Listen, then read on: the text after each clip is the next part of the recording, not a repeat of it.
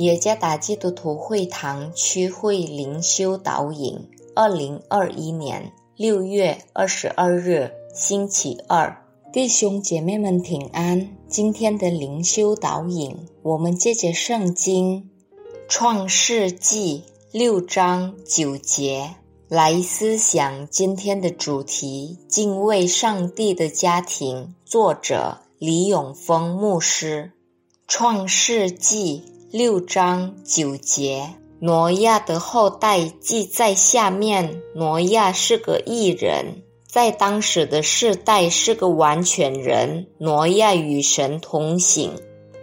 挪亚的家庭是成为敬畏上帝家庭的好榜样。不仅如此，他们也包括相互建立合作的家庭成员。这个可以从他们建造方舟中的家庭团结看出来的。挪亚时代的人是不敬畏上帝的人，他们按照自己的意愿生活，并忘记上帝。上帝不被敬畏和服从，他们根据自己的肉欲做任何想做的事，并遵从人的力量。挪亚和他的家人在那种的生活方式上拒绝妥协。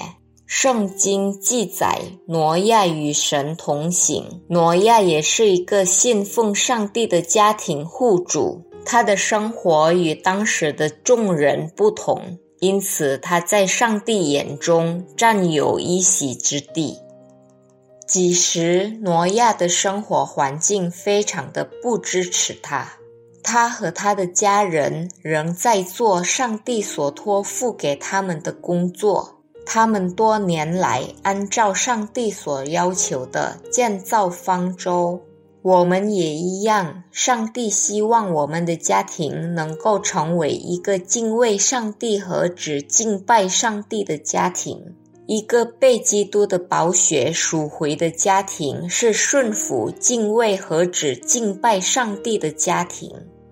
家庭可成巨大的精神压力，也可以在这个充满不确定性的世界中成为一个避风港。上帝赐福。